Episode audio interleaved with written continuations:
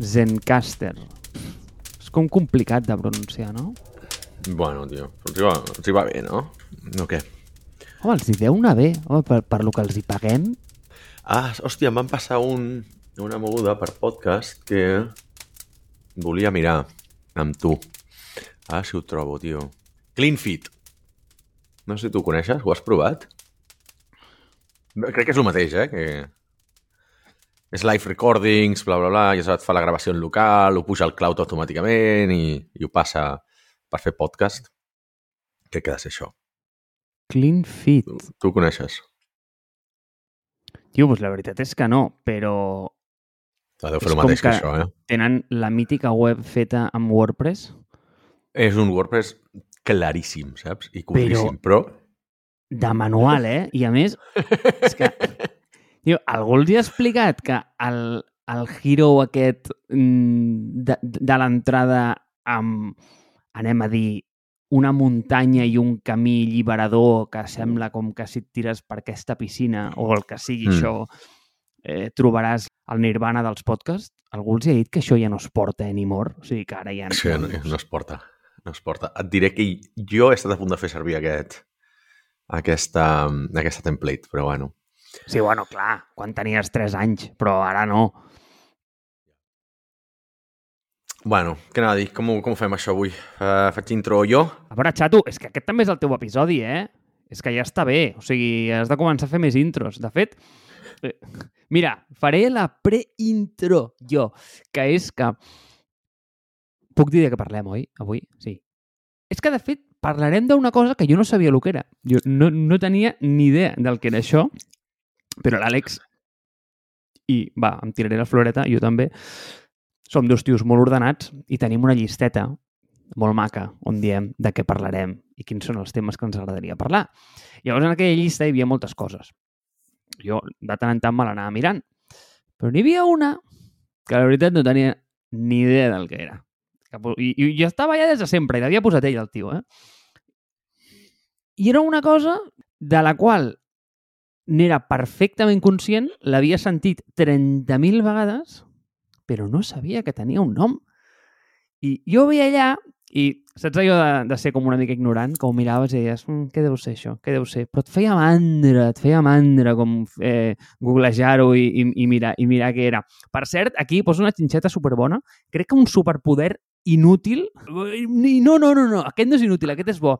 És que cada vegada que veig algú que no sé el que és, tinc una llista eh, però per preguntes que em faig i coses de que no sé com funcionen, eh, jo què sé, pues, mm, com extruir plàstic. Eh, no sé, ho dic perquè tinc una botella aquí davant, eh? Però, Val. eh, sí, sí, com xorrades, no? O jo què sé, o, eh, com es fa una mina d'un llapis. Mm, el que sigui, és igual. pues, m'ho poso en una llista i llavors després tinc com un moment en el que busco totes aquestes coses a Google en moments eh, perduts. Llavors, només com per curiositat, crec que si és un, és un hàbit que si l'agafes t'enriqueix com a persona una barbaritat perquè aprens tantes coses, perquè sempre et queden com aquestes preguntes no resoltes, que no saps de I sempre te les apuntes per després, no? Sempre dius, val, la gent normal, Marc, no ho fem això. La gent normal és, ah, ostres, ja ho buscaré. I no ho acabes buscant mai, no? pues has de tenir una llista per aquestes coses. És important, perquè després, tio, eh, quan, quan estàs cagant o a, o a la cua de, per treure't el carnet de conduir, pues, en aquests moments, en lloc de mirar Facebook, pues, escolta, agafes la llista i comences a mirar. I llavors és com curiós. M'agrada molt... O sigui, tu mires la Perquè Wikipedia... és en blanc vale? i negre. És en blanc i negre. Tu tens el mòbil en blanc i negre, recordem-ho. Per tant, Evidentment, ja et va bé. evidentment, evidentment, tio. És la Wikipedia del 60, la meva. pues, escolta, doncs, tu mires la Wikipedia i dius, ostres, no sembla com que el producte eh, estigui com iterant-se gaire ni, ni millorant-se gaire. És la mateixa Wikipedia de fa, mm, no ho sé, o sigui, 10 anys, no? A nivell visual, sobretot, no? Ara, I ha tingut algunes millores, però tampoc és allò flagrant, no? Sempre la veus bastant igual. Eh, malgrat, fan servir el mòbil, és a dir, l'aplicació del mòbil, per iterar aquestes noves funcionalitats. I em sembla interessantíssim. Fan unes coses xulíssimes en el mòbil. Eh, jo mm, la recomano moltíssim. I tenen un, que és el que anava a dir, que és el del, com el random article, no? Que llavors tu, tu vas en allà eh, i tu et dona una cosa random cada dia. Marc, I- el random article està des dels principis de Wikipedia. Vale, o sigui, eh, t'ho compro, però quantes vegades tu vas a la portada de la Wikipedia? O sigui, eh, Ah, portada mai. Clar, doncs està allà el random article. Llavors, no, doncs a, a l'app està molt bé perquè quan la llences, clar, tu no pots... O sigui, com, és que, hòstia, Àlex, és que m'ho poses difícil, fill. Mira, o sigui, tu com experimentes la Wikipedia de la web? Tu mai vas a la Wikipedia i poses wikipedia.com i llavors... No. Eh, clar, vale, llavors... Entres a través de Google a l'article directament, no? Exacte. Llavors, quin és el punt? El punt és que l'app no funciona així, perquè l'app, bàsicament, quan tu vols buscar algú, primer l'endeges al principi, perquè obres l'app, saps? Llavors, aquest flow fa com que canvi. Bueno, és igual, tio, que té molts features que la, la web eh, no, no té i mola. Et recomano que te la baixis. Eh, dit això, deixo que facis la introducció perquè tornem enrere mm, com dos minuts, vale? i dèiem que teníem a la llista una cosa que jo sabia el que era, ho havia sentit mil cops, versionat de 30.000 maneres diferents, però no sabia que tenia un nom. I llavors ho he après gràcies a l'Àlex. Àlex, esclau, de què collons parlarem avui? O sigui, avui, 24 de febrer del 2022, acabo d'entrar per primer cop a wikipedia. Bueno, no hi ha mm, .com, perquè et porta barra wiki, barra wikipedia, dos punts portada, i allà et surt un article destacat, et surt actualitat, malauradament, la, la, la, la invasió d'Ucraïna que està passant avui, eh, i molta informació d'actualitat. Dic, ostres, és el primer cop que entro a la portada de Wikipedia. Però bueno, avui parlarem del principi de Peter, eh, que per qui no ho conegui, és dintre d'administració i, i de grans corporacions, sobretot, és el principi pel qual la gent tendeix a ser promocionada fins a un punt en el qual és completament incompetent. És a dir, parteix de la base que tots desenvolupem la nostra feina correctament, tenim unes habilitats per fer el, el treball que se'ns assigna, però la mateixa organització tendeix a promocionar-te fins a un punt en què tu ja no siguis capaç de desenvolupar competentment cap tipus de feina, no? I això és un dels mals endèmics de, la, de les grans organitzacions. Eh, tots els que hem treballat a una gran empresa hem patit el típic jefe inútil que no serveix per fer res, eh, els típics, eh, les típiques persones que estan a treballar estan treballant allà i no saps per què i porten 10 anys a l'empresa, saps que no foten res, no, o sigui, estan allà escalfant la cadira, no produeixen absolutament res, són inclús empleats tòxics, però estan allà. I aleshores, a mi això em fascinava molt. Jo vaig treballar a un parell de grans empreses eh, i, i veia això, no? I aleshores dic, veia moltes ineficiències, cosa potser per la qual després m'ha portat a, a crear la meva pròpia empresa, perquè a mi les, les ineficiències no m'agraden, no? I trobava que, que veia això, no? Que veia que de vegades doncs, la meitat de l'oficina doncs, estaven passant-se el dia mirant Amazon, YouTube, Pinterest, etc etc. no estaven fent la seva feina. Jo tampoc era l'empleat més productiu, però jo almenys la feina que feia jo tenia la consciència bastant tranquil·la. Dic, ostres, jo tinc una càrrega de feina que de les 8 hores que havia de treballar les feia en 4. Dic, bueno, potser vol dir que estic sobrequalificat per la feina que estic fent i aleshores anava promocionant, no? Però hi havia gent que no promocionava mai i sempre estaven en el seu, en el seu rang, en el seu rol, no? I veies que dius, ostres, els projectes s'anaven retrasant perquè aquesta gent no feia la seva feina. I dic, no pot ser. Aquí no és un tema de competència, és un tema d'acomodament, és un tema de, de motivacions i potser de moments personals. Eh? Tothom ha tingut baixades de moral, tothom ha tingut males èpoques i tal.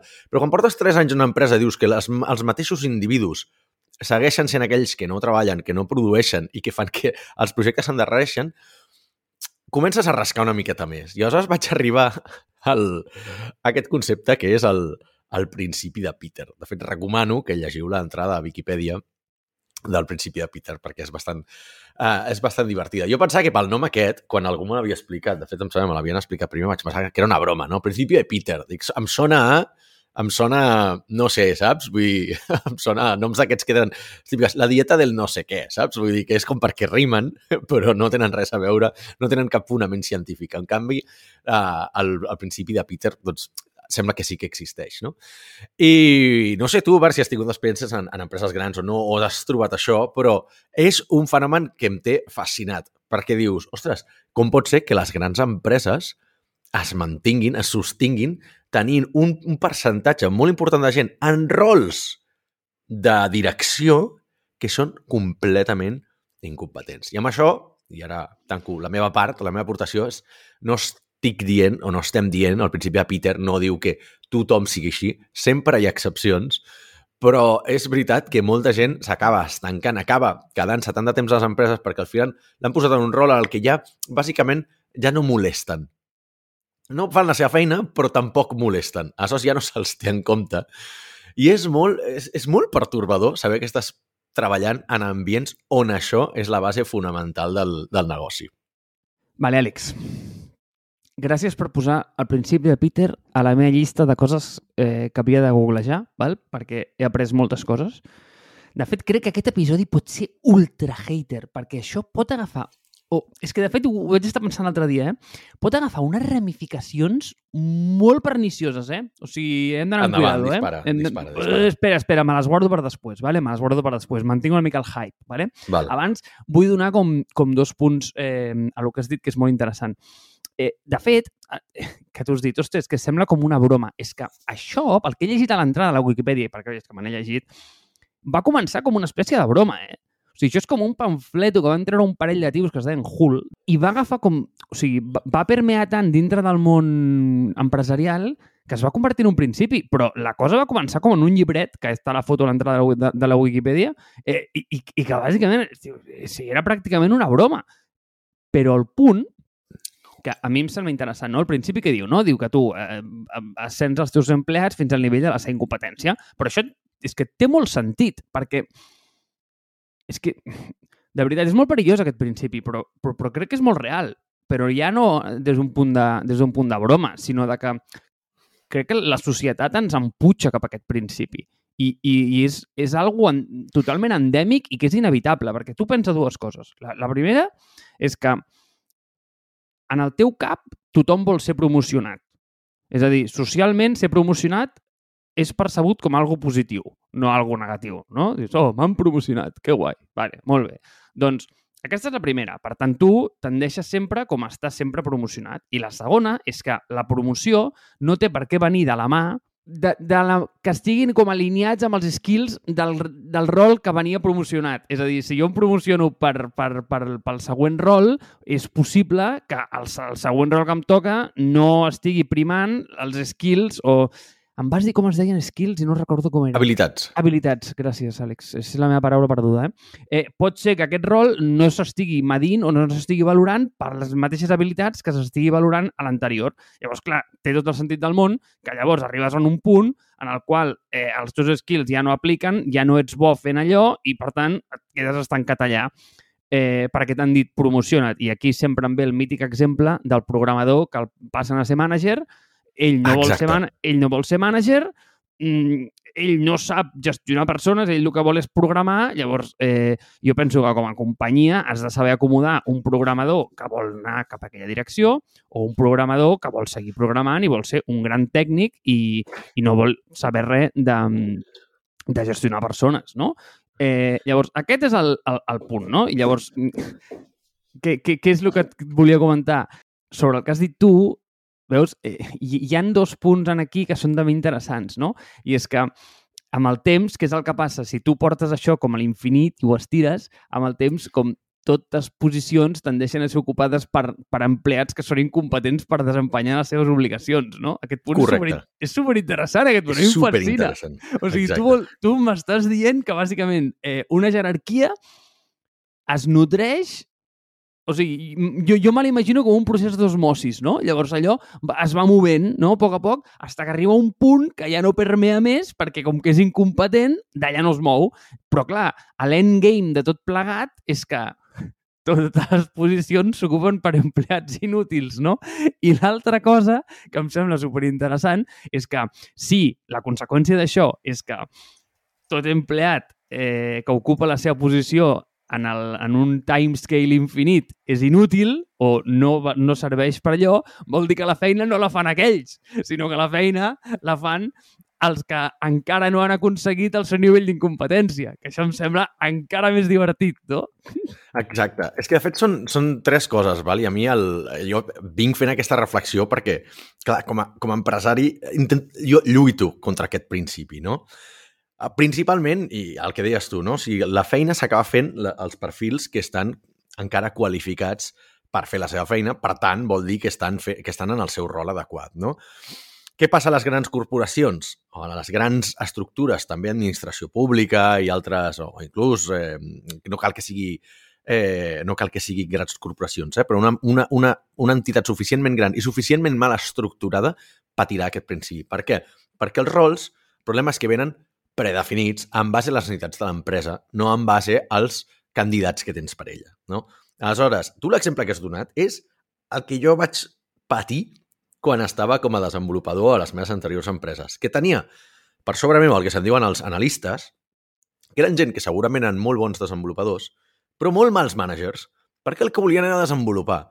Però, com que portaven 3 anys a l'empresa, 5 anys a l'empresa, les dinàmiques de l'empresa, amb la rotació que tenen, forcen que t'acabes fent, acabes pujant de rol per la seniority, per haver estat X anys a l'empresa, no per haver assolit cap tipus de, de, de, de fita, més enllà d'haver aguantat, haver, haver sobreviscut 3 anys a la rotació super heavy que tenien aquestes empreses, que a vegades era el 40-50% anual, no?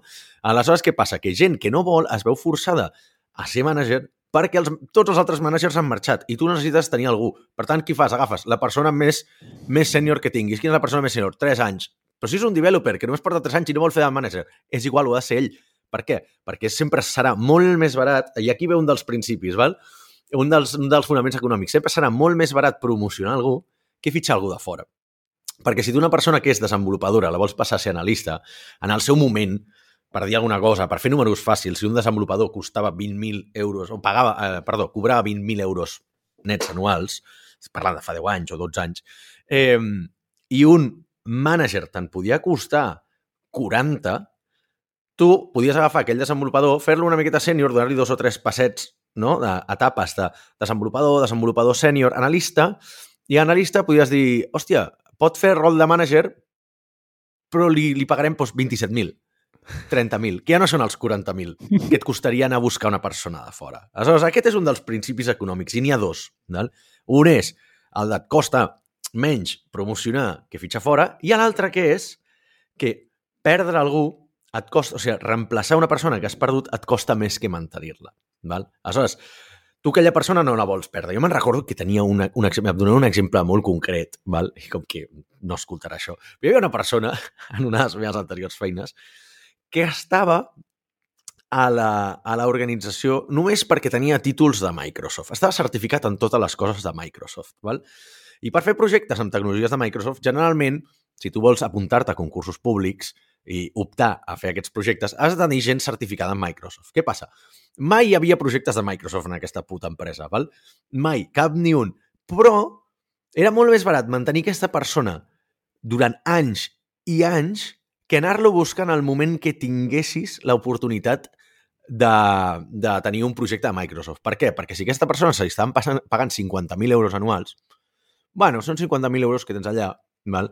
és un cost fixe, no és gens productiu, pots ficar-lo a fer altres coses que més o menys, bueno, puguis justificar el seu rol, però no tenir-lo i perdre una oportunitat d'un projecte de 2 o 3 milions l'any de Microsoft i que segurament si vas a buscar aquell perfil amb la necessitat podràs negociar molt pitjor i et demanarà, dic, no, jo és que jo, jo cobro 80.000, jo vull 90.000 l'any, jo vull 100.000.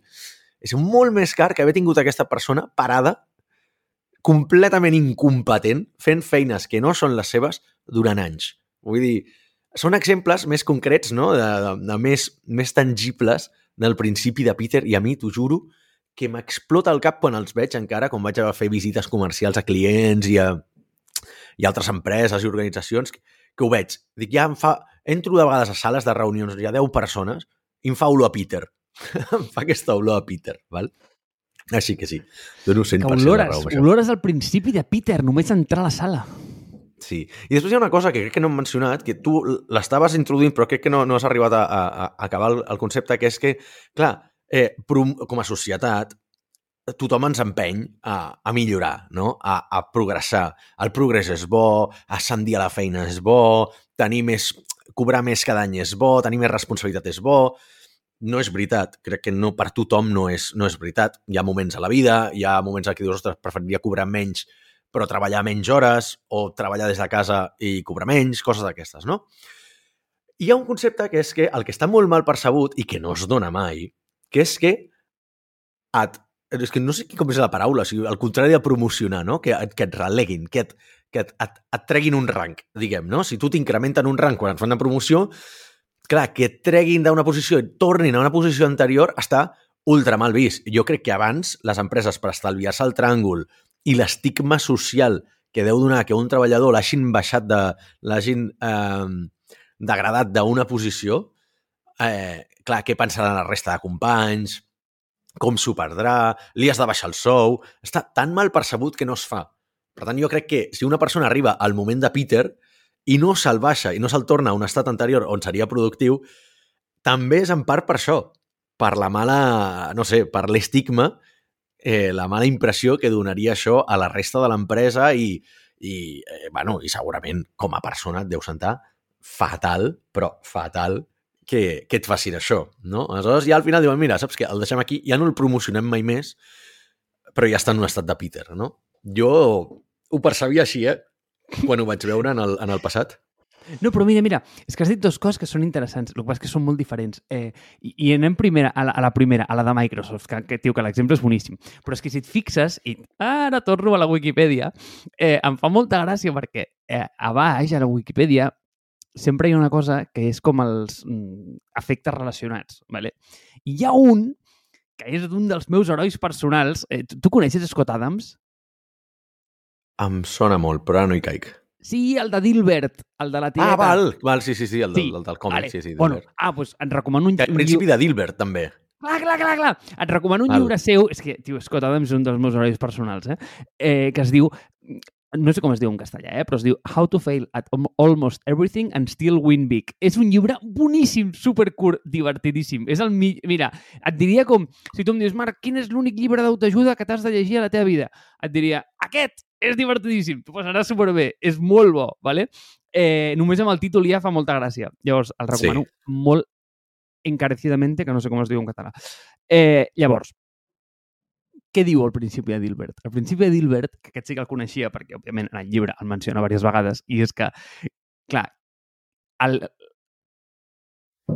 I no s'entén molt bé el principi de Peter si no el, el mescles amb el principi de, de Dilbert, eh, també, que diu com que els empleats incompetents, i aquí vinc al tema de Microsoft, els ascendeixes intencionadament per evitar que, produ que produeixin danys, ¿vale?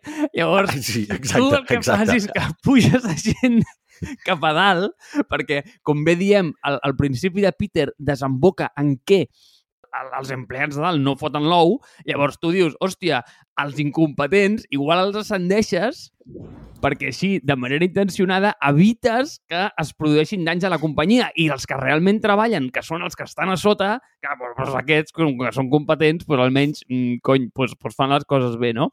Però, eh, dit això, me'n vaig en el teu altre punt i sobre com ascendeix la gent i com es mecanitza aquest ascens, hi ha un punt que em sembla a mi fascinant, eh, que és el, el que has comentat de degradar-se. Fixa't, en, i més en l'entorn en el que estem nosaltres, i crec molta gent que, que ens escolta, sobretot, eh, està en aquests entorns més de, de startup, val? com promociona algú? I et vaig a posar un exemple no pròxim, no, personal, el meu. Val? Imagina't el, el meu pas per GameStree. Jo a GameStree vaig començar programant. O sigui, jo vaig ser, tio, eh, programador número 1 de GameStree. Saps? Vull dir, Vaig va ser la web, si no recordo Clar, clar, malament. clar, vaig muntar la plataforma al principi, que eh, amb el que sabia, o sigui, amb el que sabia que era muntar eh, doncs una app de React i a darrere una, una cosa que vaig muntar a Heroku amb, amb, amb Node, tio, apanyat, i bueno, i feia d'API i allò més o menys s'aguantava i funcionava, ¿vale? Eh, després van venir els desenvolupadors de veritat i van dir, a veure, fill, vés-te'n a vendre, que és el que saps fer, tu no saps programar, ¿vale? Eh, però bueno, però, però què és el que passa? Només pel fet d'arribar al primer, tot l'equip s'estructura per sota teu. Inevitablement, Exacte. moltes vegades. Llavors, jo possiblement, eh, espero que no, no? Però, però sigui un mànager pèssim. Però clar, com que em sol juntar en els projectes mm, molt al principi, clar, tots, tots quan funcionen bé, creixen i creixen molt ràpid, perquè eh, no subestimis com creix de ràpid una companyia que, que, que no té res, val? Eh, clar, creixen per sota teu. Llavors, de cop, passes de programar I mira, afortunadament, perquè Déu m'ha fet un tio molt elàstic. Jo sóc inempleable, jo ho vaig dir una vegada en una companyia gran, però, però dintre d'una companyia petita que més o menys està com en un principi, doncs sóc un tio bastant elàstic, no? que tant et programa, com et fitxa, com t'aixeca pasta, com eh, doncs això, doncs com et gestiona un equipet, no? Eh, però, eh, perquè a mi em diverteix. Però, clar, tot l'equip s'estructura per sota teu. Llavors, jo això ho he vist un munt amb companyies. O sigui, companyies que han escalat una barbaritat que tenen com els seus CMOs o, o els seus eh, CPOs o el que sigui, que dius, tio, és que tu no tens ni idea del que estàs parlant, però és que com que estaves aquí al principi, i aquest és el punt, per què estaves aquí al principi? I moltes vegades estaves aquí al principi perquè eres amic del fundador, perquè eres el cosí de la dona que netejava, eh, el, el, que, el que sigui, no? El que sigui. I, i està allà. I, I estàs enquistat i llavors segueixes pujant, pujant, pujant i aquí ve un altre fenomen que a mi em té fascinat, generalment en aquestes companyies, o sigui, això és molt polèmic, eh? Però Aviam, jo aviam. crec, jo crec, eh? Jo crec, a veure tu què et penses, què em penses, No hem vingut eh? aquí a fer amics, Marc. Vinga, va, vinga, va, vinga, va, doncs va, tirem. Dispara. Crec que la gent que és, i de nou no sé el concepte en català, però aquí m'hauràs d'ajudar, com agreeable. Uf, Uf! sí. Ara, la la gent amb la que estàs... Què, què vols dir? La gent amb, que, amb qui és fàcil posar-se d'acord? Sí, o que ràpidament sempre et donen la raó i et fan viure amb aquest confirma... aquesta il·lusió de confirmation bias, saps? Val, Com val, de que val, tot el que dius és correcte, tot el que dius està bé. Crec que aquesta gent és la que promociona més fàcil. És a dir, Els que és... En què castellà seria un bien queda, no? Sí, els bien quedes, els bé queda, els bé queda, els bé queden. Bé queda. Doncs els bé queden, val? els bé queden són els que promocionen, Àlex, perquè com que, el, anem a dir, el boss et ve i et diu Sí. ei, eh, això, i l'altre li diu, oi, sí, boss, quanta raó tens, eh? I com li ensabona l'esquena. Doncs aquest, aquest és el que promociona, perquè el que li diu que no, que no té raó, que allò no es fa així, aquell paio és incòmode, val? i aquell no agrada, i aquell per lo general acaba sortint.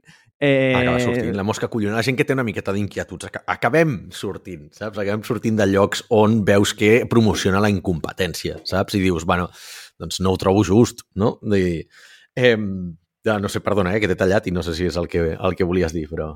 No, no, no, que no m'has tallat, però escolta, o sigui, tu com promociones la competència, llavors?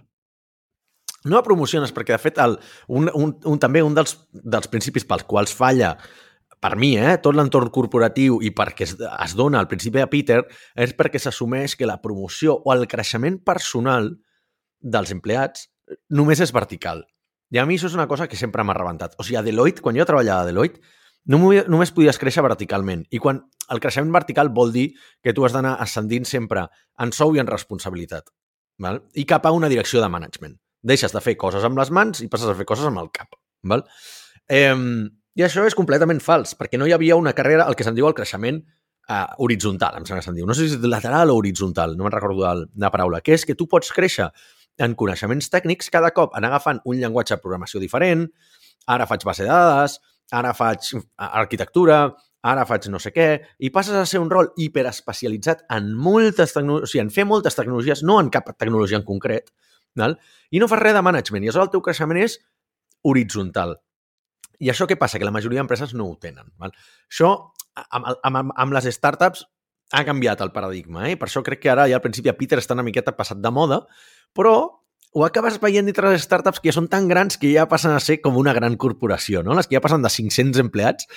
Jo veig molt principi de Peter allà, eh? I poso, poso exemples quan hem anat a reunir amb gent de, de, de Cabify, de Jovan Talent, de Globo, de no sé què. Dius, hi ha molts Peters aquí i aquí ja no és a l'ambient de les startups tenen els millors, busquem els millors empleats, no sé què. No, al final ja acabes buscant número. Per què? Perquè també hi ha una altra cosa, que això passa en les startups i no passa a les corporacions, i ojo, aquí la paradoxa del Peter de les startups, eh?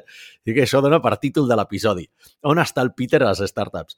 Que és que les startups arriba un punt, i tu saps que quan creixen molt necessiten tenir molta gent perquè han de justificar una mètrica de creixement que és el headcount. Val?